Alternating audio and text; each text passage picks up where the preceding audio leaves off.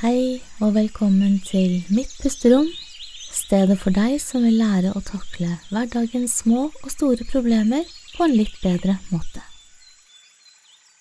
Hei. Er du lik meg når du først åpner opp en boks sjokolade, du må spise opp hele esken? Eller hvis du først begynner å spise på noe, du vil bare ha mer og mer og mer? I dag skal vi svare på hvorfor det er sånn, og gi noen tips på hvordan man kan komme seg ut av det. Og den starten der minner meg om at i dag skal vi snakke, snakke om the molecule of more. Altså dette Det er en nevrotransmitter som heter dopamin. Dopamin is the molecule of more. Jeg måtte rette på norsken hennes, den norske engelsken. Eller Ja, hun snakker helt flytende engelsk, da, så jeg bare gjør litt narr av henne. Ja, du må ha det amerikansk. Du må være på amerikansk, ja. Mm. Potatoes, potatoes, Tomatoes. Tomatoes. Yeah, you're wrong, but I'll, I'll, forgive you anyway. Men, eh, men vi skal nå tilbake til eh, et fantast, en fryktelig spennende Jeg elsker jo, altså både du og jeg elsker jo å lese vitenskapelige artikler. Og vi har lest mye om dopamin i det siste. Hørt mye, mange podkaster om det. Og dette er en nevrotransmitter. Det er altså et signalstoff i hjernen som heter dopamin. Som, skal du fortelle litt mer om det? og, ja, bare, og den bare forteller gjerne 'dette vil jeg ha mer av'. Og den utløser, utløses når vi faktisk er på jakt etter noe vi ønsker, eller at vi faktisk har fått tak i noe vi ønsker. Og, det, og så når du tenker over hva betyr det å være på jakt etter noe, det betyr at vi har en forventning om at vi skal få tak i noe. Så dopamin utløses både av psykologiske me mekanismer om en forventning, og den utløses også når vi faktisk har fått det vi ønsker. Og så er det, hvis man går litt dypere inn i, i eh, vitenskapen bak det, så du må jo faktisk også ha en viss porsjon dopamin for å kunne lage adrenalin, som gjør at du faktisk gjennomfører noe. Det er det vi kaller for en precursor. Altså det, det kommer foran. Det blir litt kjemisk her, men altså vi er nødt til å ha en, et tro og et håp om at vi kan få det til for å begynne å bevege oss også. Mm. Det, det er spennende. Det er spennende. Det er fryktelig spennende. Ja. Men uh, jeg tenker at du får snakke litt fritt, for jeg har masse tanker om det også. Men uh, du har tenkt veldig mye. Vi snakket om det litt i stad, Sigurd, og du hadde mange tanker om dopamin. Ja, så vi, vi, Det er en veldig kjent forsker som heter Anna Lembski. Jeg tror ikke jeg uttaler den helt riktig. Hun heter Anna Lembke. Lembke, ja. Ja. Mm. Og hva var den boken hun skrev? Hun har skrevet Er det ikke hun som har skrevet The Molecule of More, da? Molecule of More. Ja. Ja. Så hun Hun er ved Stanford, forresten. Hun er professor. Ja. ja. Mm. Og på websiden vår kan du også se på lenker, og hvis du ønsker å høre det fra henne. Veldig, veldig informativt og bra podkaster som har blitt laget om henne. Men i hvert fall, en av de viktigste ting som vi må erkjenne, er at vi mennesker er jo skapt for å søke, prøve å finne det vi trenger. Og i samfunnet vårt, vi trenger nesten ikke å finne noe lenger. Vi har alt veldig lett tilgjengelig. Og dermed så mener hun, og jeg er veldig enig med henne, at vi lever i et samfunn nå som gjør at vi har tilgang til veldig mye kilder av dopamin. Vi kan dra i butikken og kjøpe honning, mens forfedrene våre kanskje spiste honning et par ganger i livet, og de måtte betale en ganske dyr pris for å få tak i den honningen òg. Så, så vi har så utrolig lett på dopamin. Det får vi gjennom videospill, eh, sosiale medier, alle mulige typer mat, samspill med mennesker vi er glad i, eh, og så videre, så videre. Og det, det vi tror som skjer, at når vi har så mye tilgang på dopamin, så fins det en baksiden av medaljen. Og den er at uh, hvis du kan se for deg en slags vektskål, sånn gammeldags vektskål, og hver gang du blir du søker etter, og eller finner det du søker etter, da får du mye dopamin som blir utløst i hjernen. La oss ta det sjokoladeeksempelet. For, for eksempel. Rita og jeg vi var i Sverige her, og vi kjøpte After Eight. Og jeg begynner å gomle i meg After Eighten, og den første smaker utrolig godt. Men så er etter nummer to eller tre, så begynner det å smake litt sånn litt sånn bæ. Men allikevel, jeg spiser opp hele esken til den er ferdig. Og, og spørsmålet er hvorfor skjer det? Det ene er at hver gang du får tak i noe du tror du ønsker, så er alltid den første biten, den første opplevelsen, den første scoring i et videospill det beste, og så begynner det å avta etter hvert. Min erfaring med å, å hjelpe folk å slutte å røyke er det samme. Det er alltid den første røyken om morgenen, og kanskje den etter en, en middag, som er de beste røykene, og så resten er bare sånn bæ. Og så, så det er den første biten av, å forstå dopamin, at du venner deg til opplevelsen. Du venner deg til hvordan det smakes, hvordan det føles, hvordan det er i munnen, i, i kroppen. Og det andre som, som, skjer da, er at samtidig som du får en glede av det, så begynner den vektskåren å tippe den andre veien, nesten med en gang, og gir deg en litt sånn rastløs, litt sånn ubehagelig følelse. Og den rastløse, ubehagelige følelsen kan sammenlignes med folk som f.eks. skal slutte å røyke eller slutte å snuse, eller enhver ting man har vært avhengig av, hvor man prøver å nekte seg selv det man ønsker seg.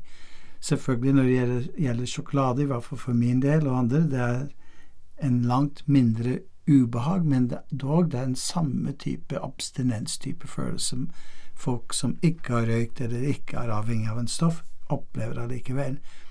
Og dette skjer oftest uten det bevisste plan. Det er mer en sånn ubevisst mekanisme av en slags uro, en slags ubehag. Så det interessante er at det ubehaget er der fordi jeg spiste After Eight. Den var ikke der før jeg spiste After Eight. Og det ubehaget er der før jeg oppsøkte videospill, før jeg så på, på iPhonen min og spilte sjakkparti, før jeg Ikke sant?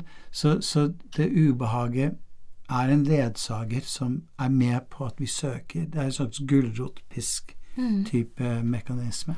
Og så er det jo enkelte mennesker som er litt mer Kanskje har litt mer lett for å bli avhengig av ting. Eksempel sånn som du. Du har ganske lett for å bli avhengig av ting. Opphengt i ting. Du må ha mer, mer, mer. Mens jeg er klin motsatt. Ja, du blir så den ikke after, så Jeg hadde faktisk glemt den after eight. Du har rett, vi kjøpte jo after eight. Mm. Men jeg tenkte at den skal jeg ha til jul, så den la jeg bort. Og så har jeg ikke tenkt mer på den. Men mm. den ligger jo for så vidt Når jeg tenker på hvor den ligger, så vet jeg hvor den ligger. Den ligger mm. på en hylle på et kaldt soverom. Og jeg ser den egentlig hver eneste gang når jeg går forbi mm. og tar på meg litt parfyme om morgenen. Men mm. jeg ser den, men jeg ser den ikke. Den trigger meg ikke. For jeg har tenkt at den er til jul, så da er den ute av hodet mitt. Ja, og så I min hjerne så fins det alltid en god unnskyldning. Ja, ikke sant? Men nå har vi også litt forskjell der, da, for da du snakker egentlig om den pleasure pain, uh, pleasure pain balance, yeah. det du beskriver nå. Og dette er jo det som hun Lemke snakker mye om, og mm. hun er jo opptatt av at i denne den verden som vi lever i nå, så har vi for lett tilgjengelige ting. Yeah.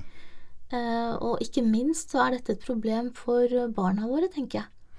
Å ja, det er et stort problem for barna mm. hvis, de, hvis, man ikke er bevisst og har mye samtaler og, og hjelper dem. Og det er, det er, hvordan kan barna være bevisst når de voksne knapt vet om det selv? Det er derfor vi holder podkasten. ikke sant?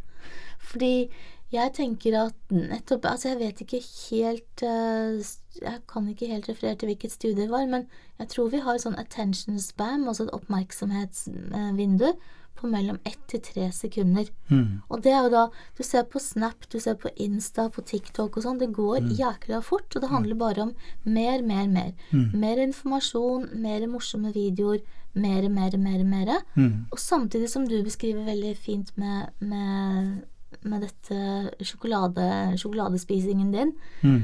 Uh, du blir aldri fornøyd allikevel. Nei, det er det som er problemet med og, da, og vi mennesker er ikke laget for å ikke ha det bra. Vi, liksom, vi vil gjerne ha det fint. Vil, og da vil vi gjøre mer av det vi tror funker. Og hvis du trodde at du hadde lyst på sjokolade, så vil du fortsette å spise sjokolade, for du tror det er mm. det som er løsningen. Eller kanskje gå over til chipsposen. Mm. Eller gå over til noen andre ting som du tror kanskje kan gi deg glede.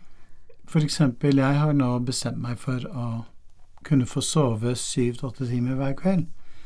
Og min hjerne har jo blitt, jeg må bare innrømme det, avhengig av å spille sjakk på, på telefonen min. Så jeg kan våkne opp midt på natta og føle en slags rastløshet, og da har jeg tidligere alltid tatt opp telefonen og spilt et par partier med sjakk. Eh, og det rare er at jeg ofte spiller bedre når jeg er trøtt. Jeg vet ikke helt hvorfor det. Og, og, og da blir jeg fanget av en sånn dopamin. Men den rastløsheten jeg får om natta, den kan komme av flere årsaker. Det kan være at jeg må på do, eller jeg har drømt et eller annet som er negativt. Men sannsynligvis den rastløsheten er et resultat av at jeg har hatt for mye dopamin tilgjengelig i løpet av hele dagen. Mm. Så da har pendelen svinget, vektskålen har svinget den andre siden, Mm. hvor den begynner å komme frem. Mm. Så det, da forsøker jeg å kurere rastløsheten gjennom å oppsøke dopamin. Ja, så hva er løsningen? Hvordan har du løst det? Hvordan går det? Sover du syv-åtte timer nå, eller? Jeg er i ferd med å, å knekke den koden, og, og eh, det jeg har gjort, er at jeg konsekvent ikke se på mobilen en halvtime før. Jeg, eh, midt på natta så jobber jeg med mindfulness meditasjon, som jeg har lyst til å komme tilbake til i forhold til dopamin og vektskålen. Og jeg også i løpet av dagen sørger for å kjede meg litt innimellom. Mm. Og, og hvorfor, hvorfor, det, hvorfor det? Fordi hvis du ser for deg den vektskålen Kroppen vil gjerne være i balanse. Vi kaller det også for homeostasis. Og det er mange, mange lag i kroppen som finner en slags indre balansepunkt. Uh, i, I blodet vårt, i hvordan vi fordøyer mat, osv., osv. Vi har mange balansepunkter, kroppstemperatur osv., som kalles for homeostasis. Og kroppen opplever stress, selv om du søker noe som du oppfatter som en glede. Ja, den opplever stress også når du tenker, fokuserer Når du da Når vektskålen bikker over til det negative. Så den stress som du får av å hele tiden søke, søke, søke, selv om det er noe positivt du søker, legger seg på toppen av det stresset vi har ellers i, i hverdagen. Eh, og den kan f.eks. føre til utbrenthet. Mm. Og det har blitt et veldig sånn stort fad nå i USA som heter dopamine fasting. Og jeg tror det kommer til å komme nå innover i Norge. Kanskje vi er noen av de første som snakker om det her. Og det er rett og slett å ta en pause fra alt som du vet gir deg en sånn umiddelbar glede. Ta en pause fra sosiale medier. Ikke spis sjokolade. Avstå fra sex. Ikke drikke alkohol. Og virkelig kjede deg. Sørg for at det ikke skjer noe spennende spesielt i, i, i miljøet rundt deg. Så jeg prøver å få dette til litt i mindre grad da, i løpet av en dag, hvor jeg kan kjøre en bil og ikke ha på radioen, ikke høre på noen podkast eller noe sånt. Det er litt vanskelig, for jeg elsker å lære, så jeg vil hele tiden høre og lytte på noe som gir meg noe. Det ble jeg glad for å høre, at du faktisk eh, ikke har noe på øret hele tiden. Fordi jeg kjenner ingen som har noe på øret, Uansett hva du gjør, om du skal ut i hagen og jobbe, hvis du skal på do, hvis du skal gå deg en tur, så har du et eller annet på øret hele tiden. Mm. Eh, og sikkert også når du legger deg på kvelden, skal du sikkert høre på et eller annet, eller du skal spille sjakk. Så det er det at det skjer noe hele tiden. Men jeg tenker at jeg er jo ekstremt glad, selv om jeg snakker mye, så er jeg ekstremt glad i stillhet. Mm. Så, for jeg tenker at jeg får ikke hørt mine egne tanker. Jeg må jo ha plass til egne tanker også, ikke bare få mer informasjon fra andre. Så det er i stillheten, når jeg legger meg eksempel, eller jeg mediterer jo mye, i hvert fall to ganger om dagen, så det er den stillheten som jeg får uh, kreativiteten min opp. For det er akkurat som da da er hjernebølgene mine på et sånt, så jeg elsker den prosessen av å være i, så der er kanskje mitt dopamin, da. Ja, der får du dopamin fra For det. jeg, jeg gleder meg til å sette meg ned og være i stillhet med meg selv. Eller bare lytte til fuglesang. Eller jeg kan lytte til eh, ja, hva som helst. Regnet som faller. Altså andre ting som er liksom sånn white noise, kalles det vel egentlig. Altså bare har en bakgrunnsstøy. Mm. Så kommer egne tanker opp, og den, den biten der trigger meg. Men en, en annen ting også som jeg syns er litt morsomt, for det er dette med pain, pleasure, eh, balance. Der har du jo også noe jeg gjør riktig, som jeg alltid har gjort riktig uten at jeg visste at jeg gjorde det. Mm. Og det er at jeg tenker business before pleasure. Ja. Alltid. Så jeg starter jo dagen min Først så tenner jeg et lys. Og så gjør jeg kanskje litt yoga for å strekke ut en litt vond skulder. Men så går jeg løs på det verste jeg kan tenke meg. Jeg tar alltid det verste først. Jeg spiser ikke frokost engang, jeg gjør ingenting. Men jeg går løs på å lese kanskje gamle, kjedelige rapporter. Jeg må oppdatere meg på noen ting. Jeg må kanskje ta et eller annet jeg syns er kjedelig. Eh, gjerne hvis det er f.eks. når jeg skal bare observere for barnevernet og sånn. så skal jeg observere, og jeg skal beskrive hva som er feil, men jeg skal ikke gjøre noe med det. Mm. Det er vanskelig, det. Mm. Så da tar jeg gjerne det først. Mm. Og når jeg er ferdig med da altså først lys, intensjon for dagen, og så det verste på PC-en, Mm. så begynner jeg å bli klar for å ta en deilig kopp te. Mm. Mm. Men det jeg gjør da, da sitter jeg og tenker på så utrolig bra at jeg ble ferdig med dette her nå. Så deilig. Har jeg klart det, så kan jeg klare nesten hva som helst. Mm. Mm. Og det er stor forskjell. Så business before pleasure er en måte å kontre dopaminkicket som vi har hele tiden. Ja, Tenker det, jeg. det er veldig, veldig lurt. Jeg tenker også, Det er et annet uh, studie som jeg hørte. uh, det var vel Andrew Huberman som snakket om. Mm. Han fortalte at de han, Jeg tror det var et, eh, en undersøkelse ved Stanford University så, som han fortalte at de hadde tatt eh, en del barnehagebarn. Og de elsket å tegne, og de smilte og de koste seg, og de løp rundt og tegnet forskjellige ting og sånn, ikke sant. Så de hadde en stor glede av det. Og så bestemte de seg for at ok, kanskje vi skal begynne å belønne de som tegner. Mm. Og da fikk de kanskje en liten stjerne i boken når de kom og viste frem tegningen sin. Når de hadde gjort det på en spesiell måte, så fikk de kanskje to stjerner. Og så begynte de å se at eh, ungene de eh, tegnet jo mindre og mindre og mindre. Mm. Og da begynner vi å snakke om noe som heter reward prediction error, Okay. som er litt spennende. Mm. Fordi at eh, dopaminet er jo noe som setter i gang et håp, at det er noe som driver oss fremover. Hvis jeg får en stjerne, eller kanskje to stjerner, så blir jeg glad. Men hvis jeg ikke får mer enn kanskje en halv stjerne eller én stjerne, så blir skuffelsen enda større. Riktig. Og vi har ikke lyst til å utsette oss for det. Så da bare gidder vi ikke å gjøre det. For at altså, når belønningen ligger der ute, det er da det begynner å bli eh, farlig. Mm. Hvis belønningen ligger inne i oss selv. For ungene, hvis du spoler tilbake, ungene likte å tegne fordi tegneprosessen var morsom. De elsket å skape for å skape.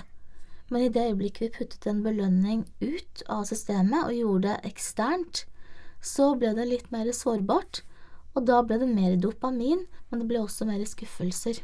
Mm. Så han, Hubman snakker jo mye om dette her, hvor viktig det er å gjøre om prosessen. Og han viser også til en del, eh, til en del idrettsfolk som har, når de, la oss si at har jobbet steinhardt i tre, fire, fem år, for å komme til det ene løpet, så løper de alt de kan i 200 meter. Og så vinner de, og så får de ny personlig rekord, VM eller hva det er for noe. Eh, hvis de da bare jubler over å ha vunnet, så er de mye mer sårbare, og for å tenke at nå er jeg i mål, hva nå? Mens hvis de jubler over å ha vunnet og legger til, tenker på all den jobbingen som var, det var verdt å gå ut hver eneste morgen klokken fem, det var verdt å stå på så mye, det var verdt, altså hvis de begynner å tenke på prosessen, så og kobler til da den jubelen de har i øyeblikket, eller når de holder takketale på kvelden, si en Oscar eller noe sånt som har vunnet Oscar, ikke bare tenk på at nå har jeg Oscar fordi at jeg faktisk har hatt én bra forestilling, eller én bra, en bra film. Tenk på alle de tingene som er i forkant. Mm. De menneskene som er flinke til å tenke på alt det som har vært ha, som har, alt det som har vært forut.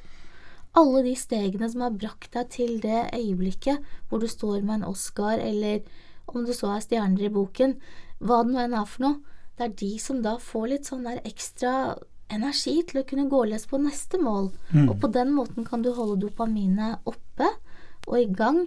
Men, men hvis du bare feirer når du får ros av andre, når du får stjerne i boken, eller når du er i mål, så gjør vi oss selv en skikkelig stor eh, Altså, det er ikke lurt. Så det vi snakker om her, er det å være motivert over tid til å oppnå mål. Og da er det helt klart at det er en stor fordel å kunne kapre ditt eget dopaminsystem til å jobbe for deg og ikke imot deg. Og en måte å gjøre det på er å hele tiden gi seg selv ros på prosessen, fokusere på prosessen i å nå mål, og gi deg selv den gode følelsen hver gang du er i ferd med å gjennomføre prosessen. Og det er jo, eh, tror jeg, er hemmeligheten for å lykkes over lang tid. en av de tingene som jeg oppdaget, hvis vi skal bare spole litt tilbake igjen, er når jeg da sover godt om natta og har nådd målet mitt i å kunne sove åtte timer eh, Jeg merker at bare den bevisstheten rundt det ubehaget gjør at ubehaget blir langt mindre ubehagelig. Mm. Og det er, det er veldig viktig, det, det meteperspektivet på at når jeg nå slutter å spise sjokoladen Og jeg forresten spiste ikke opp hele after-eaten, det var litt Jeg bare brukte for det hadde jeg gjort tidligere. Men jeg hadde tilfeldigvis hørt på en podkast i forkant om, om dopamin. Og da tenkte jeg nå skal jeg teste dette ut, så jeg tok en, en after-eight. Jeg sa til meg selv det skal bli interessant å kjenne det ubehaget som kommer etter jeg har spist en after-eight. Og til min store forundring, det kom ingen ubehag. Mm. Eh, kanskje bitte lite grann rastløs følelse, men ingen sånn 'Å, nå må jeg ha en til', og 'nå må jeg ha en til'. Mange er det igjen til jula. Vi har en stor eske, men det det er er ikke fremdeles igjen. Ja, ja. ja, ja. Den har ikke vi rørt, så den, den sparer vi til jul. Men, men, så det er ikke bare jeg som har spist, det har liksom vært folk i huset. Men, men tidligere kunne det vært sånn at jeg hadde gomlet i meg hele, hele på kvelden når ungene hadde lagt seg, og de hadde stått opp neste dag og lurt på hvordan, hvor ble det av? Og da ville jeg si Rita har vært på besøk. Akkurat.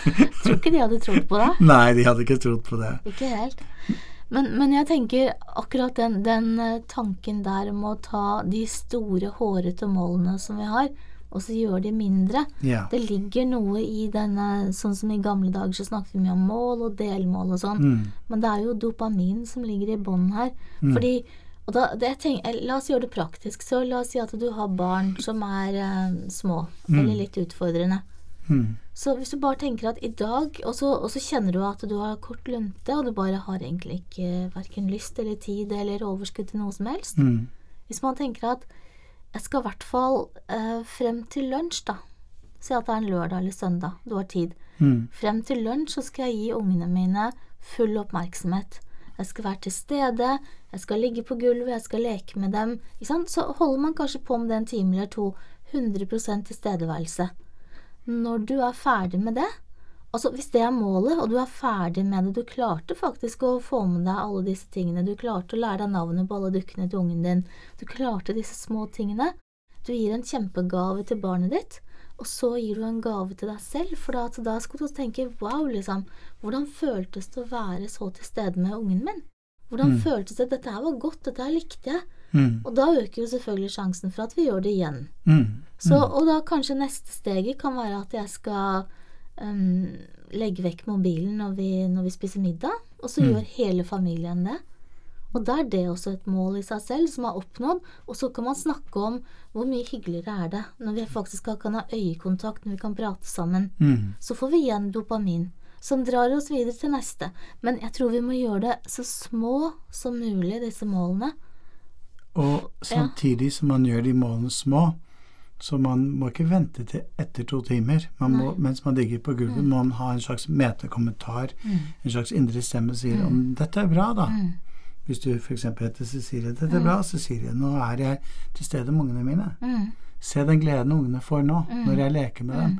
Så du hele tiden kommenterer underveis i prosessen hva det er du gjør bra, og vektlegger i mindre grad eh, det, det du oppnådde. Eksempel, jeg jobber med et salgsteam nå, og en av de tingene jeg hjelper dem å ha fokus på, er de skal selvfølgelig nå budsjettene sine, men før var- ble de glad kun når de nådde budsjettet, mens jeg har hjulpet dem identifisere alle delmålene mot å nå et budsjett. Og da har de, og de hele tiden har en slags indre kommentator som sier 'nå er det bra', Mm. Julie, nå har jeg ringt så og så mange. Og da er ikke så målet er hvor mange du har ringt som har sagt ja til en visning. Der er det mer at jeg har ringt så og så mange. Eh, og den, den endringen gjør at man har mye mer is i magen og står på i mye større grad. Og det ser vi også hvis vi ser Jeg, jeg tror jeg, jeg, jeg liker å se litt på YouTube og har forsøkt å se på mange folk som har skapt store verdier og gjort store ting. Og jeg har til, til dags dato til gode å oppleve noen som bare har fokusert på resultatet. Eh, De alle sammen sier de elsker prosessen i å skape de verdiene. Mm. Og så i prosessen så er det selvfølgelig også mange ting som vi gjør feil. Altså vi går jo på trynet i prosessen, men hvis vi kan tåle å gå på trynet Mm. og være i det ubehaget og smerten og lære noe av det. Altså kunne, og da handler jo det egentlig om det som vi snakker om hele tiden, det er å være bevisst. Det å kunne reflektere. Um, og for å få til det Jeg bruker jo, jeg bruker jo å skrive nesten hver eneste dag. Mm. Så skriver jeg i en Jeg skriver for hånd som regel, i en liten bok. Og der reflekterer jeg over hva som har gått, og så setter jeg meg sånne små mål. Og de er ikke hårete i det hele tatt. De er veldig små for neste dag. Mm. Og så er jeg bevisst fordi at jeg har tenkt på det, så er jeg bevisst det. Mm. Vi kan ikke være bevisst hvis ikke vi reflekterer. Nei. Og vi kan ikke endre noe som vi ikke vet om. Nei. Nei. Og det er jo liksom sånn Vi må, vi må anerkjenne at her er det en liten jobb å gjøre-. Mm. Og det å være i smerte og ubehag, må ta en after eight og så kjenne på Nå blir jeg kanskje får blir litt rastløs etterpå. Vil kanskje gjøre at man ikke tar denne after eighten i det hele tatt. Mm. Absolutt. Kan også Absolutt. gjøre. Ja, ja. Eller hvis ja. man tenker istedenfor Nå kommer vi snart inn i en, eh, en litt sånn julebordsesong, ikke sant, og folk Mm. skal spise antagelig spise seg litt fete før jul. Det er ganske vanlig. Spise og drikke seg fete før jul. Mm. Eh, Det er veldig få som går innom julen uten å, å legge på seg, faktisk. Absolutt. Og da kommer vi på den evinnelige 1. januar igjen. Mm. Da, når 1. januar kommer, da skal jeg ta meg sammen. Da skal alt bli annerledes. Mm. Mm. Men vi må jo Vi lever jo med oss selv også 1. januar, så det er ikke noe vits å vente med de endringene til 1. januar, tenker jeg. Så Ja. kanskje man kan begynne med den prosessen at kanskje denne julebordsesongen så så skal jeg f.eks. Eh, velge å spise bare én tallerken istedenfor to tallerkener, Mm. f.eks. Mm. Hvis du er bevisst i forkant, Mm. så tror jeg det kan være mye lettere. Men for man blir ikke gladere av å spise to store uh, juletallerkener. Mm. Så da kan man stille seg selv følgende spørsmål hva skal jeg bli bevisst på? Mm. Det ene er, som vi snakket om i andre podkast, er hvem er du i ferd med å bli når du kan drikke, spise, fokusere på delmålene, fokusere på prosessen for å oppnå hva det er du ønsker å oppnå. Så det er på sånn identitetsplan. Og så har du faktisk hva det er du sier til deg selv i situasjonen, eh, og den selvbelønningen du gir deg selv underveis. Og så har du atferdsendring i, i kroppen. Det er stor forskjell å sitte med en oppreist rygg og smile til seg selv og kanskje gi seg selv en high five i, et, i speilbildet sitt, enn det å se ned og tenke 'jeg er håpløs, jeg får aldri til noen ting'.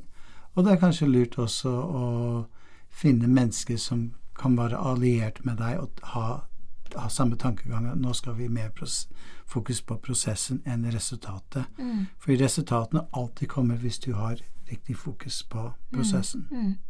Og da, det minner meg f.eks. litt om en, et par som jeg hadde innom for mange år siden. De eh, var veldig opptatt av at de skulle reise på ferie, og da skulle, de hadde det ganske vanskelig. Og da skulle de på ferie, og da skulle alt bli bra. Og så hadde de bestilt det perfekte hotellet med den perfekte utsikten, og det, alt var liksom perfekt, og, og de satt jo hjemme. og de hadde det egentlig veldig bra i den prosessen, opp mot at de reiste. Men så skjer det ting som som regel skjer, da. Så han fikk en kraftig mageinfeksjon og ble liggende inne mesteparten av tiden. Så alle de turene de skulle på, de ble jo faktisk avlyst. Og hun, han var vel mer på toalettet, kanskje, enn i den store, fine dobbeltsengen med utsikt. Så det var det å gå og glede seg til det. det er nettopp det å gå og glede seg til at vi skal reise. Men da jeg snakket med dem etterpå, så sa de at eh, de hadde hatt verdens verste ferie, men altså oppladingen til den var fin. så de vil liksom litt tilbake til det. Og, og vi, er, vi er tilbake til at hvis vi gleder oss for mye til noe, og, og har for høye forventninger, Mm. og kanskje enda verre hvis de forventningene eller forhåpningene er uuttalte, Mm. så, så mm, sliter vi litt. Mm. Du nevnte dette som kalles for reward. Re- reward prediction error. Ja, og det minner meg litt om at hvis du har en forventning at ferien skal bli helt fantastisk, Mm. det blir en form for det, da. Og vi skal gå på de turene, vi skal oppleve den maten på restauranten. Da ligger det plutselig utenfor din kontroll. Det er ikke Det er liksom plutselig hotellet som skal gi deg den gleden. Det er Mm. plutselig eh, maten du skal spise, været du skal oppleve, Mm. istedenfor tanken på at jeg må være aktiv, jeg må gjøre noe selv for å kjenne, finne den belønningen i Og, og hvis de hadde vært litt mer bevisst, da Mm. Så for dette paret her tilfeldigvis, de hadde vært veldig mye hjemme sammen da. Så de skulle, før de dro på ferie Så en av de tingene som denne kvinnen hadde sagt til meg, er at hun også ønsket egentlig veldig sterkt å få litt alenetid. Mm. Det glemte hun da han satt på do. For da hadde hun egentlig Han hadde ikke hatt noe imot at hun hadde dratt på disse ekskursjonene alene.